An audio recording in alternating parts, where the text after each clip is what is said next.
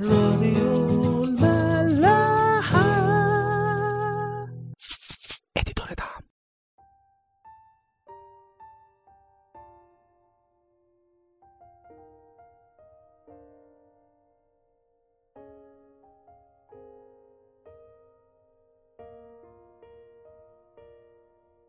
أهلا بيكم في عيش وملح.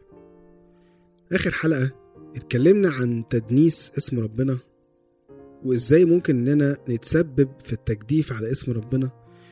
يا إما بأفعالنا اللي بتبقى عكس كل الكلام اللي إحنا المفروض بنؤمن بيه يا إما بإننا ننسب له آراء أو تفسيرات لأعماله وما يكونش ليها أي علاقة بيه أو بروحه.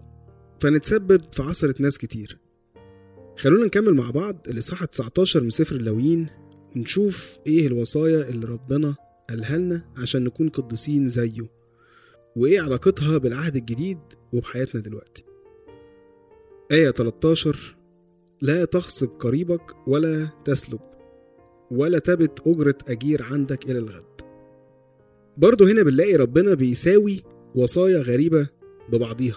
يعني بيساوي ما بين إننا نسرق أي حد بإننا مجرد نأخر أجرة أي حد بيشتغل عندنا لتاني يوم.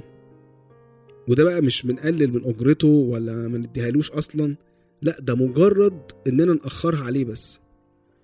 في سفر تثنية إصحاح 24 آيات 14 و 15 بيأكد على الموضوع ده وبيقول لا تظلم أجيرا مسكينا وفقيرا من إخوتك أو من الغرباء الذين في أرضك في أبوابك.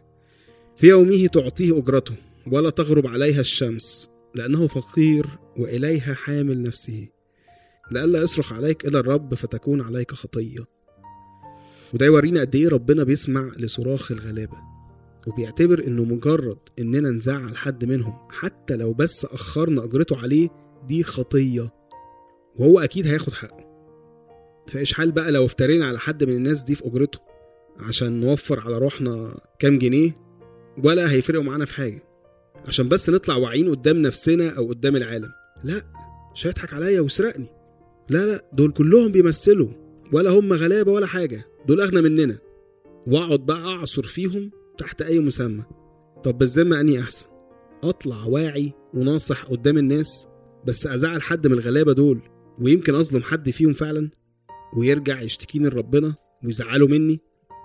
ولا أطلع كريم بزيادة أو حتى شكلي أهبل وبيضحك عليا بس حد فيهم يكون فعلا محتاج وادعي لي عند ربنا فأكون عملت لي أصحاب بمال الظلم زي ما المسيح بيقول لنا في لقا 16 9 اصنعوا لكم أصدقاء بمال الظلم حتى إذا فنيتم يقبلونكم في المظال الأبدية في رسالة يعقوب إصحاح خمسة بيحذر الأغنياء اللي بتفتري على الناس اللي بتشتغل عندهم وبيقول إيه من آيات واحد لأربعة هلم الآن أيها الأغنياء؟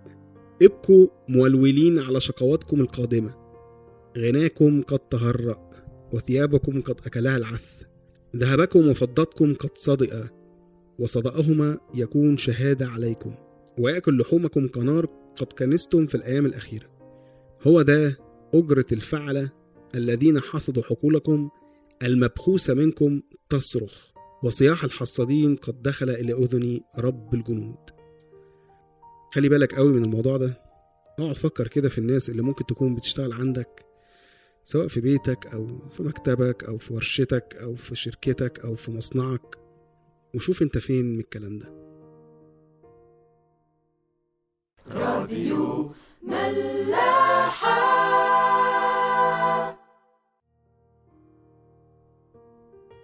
آية 14 لا تشتم الأصم وقدام الأعمى لا تجعل معثرة. بل اخشى إلهك أنا الرب. ربنا بيوصينا هنا بحاجة تانية. إننا ما نشتمش الأطرش عشان هو مش هيسمعنا. وكمان إننا ما نحطش أي عصرة قدام الأعمى عشان ما يتكعبلش فيها ويقع. الكلام ده معناه إيه بقى؟ الأطرش ده يعني اللي مش سامعنا. يعني أي حد بنتكلم من ظهره ونشتمه يبقى كأننا بنشتم واحد أطرش وهو قاعد جنبنا. الكلام ده بقى سواء في صورة نميمة أو حتى في صورة أفكار وحشة بتبقى جوانا عن أي حد. أما بقى موضوع المعسرة اللي قدام الأعمى ده فالأعمى هنا يعني أي حد ضعيف روحيا. يا إما لسه جديد في الإيمان يا إما لسه صغير في الإيمان يا إما لسه ما دخلش الإيمان أصلا. كل دول بالنسبة لنا عمي. لسه بيخبطوا كده في معرفتهم من ربنا وما ينفعش نحط قدامهم أي حاجة ممكن تأثيرهم. بالعكس المفروض إننا ناخد بالنا منهم ونساعدهم يوصلوا لربنا. كتير قوي تحت مسمى الحرية الشخصية ممكن نعسر ناس كتير قوي. يعني مثل بسيط قوي انت حر تاكل أي حاجة طبعا بس أكيد مش هتاخد أكلك بقى في عربيتك وتروح في حتة الناس مش لاقية تاكل فيها أصلا وتقوم فاتح العربية وتقعد تاكل قدامهم. أيوه هو الأكل في حد ذاته مش غلط بس هو الغلط أنت بتاكله إزاي وفين؟ وبتحس بالناس في الموضوع ده ولا لأ؟ كان في مشكلة زي كده برضو بولس كان اتكلم عنها. إنه كان في ذبائح بتتذبح للأوثان وكان في ناس عندها إيمان أو سلام معين ناحية الموضوع ده إنها تاكل من من الذبايح دي عادي.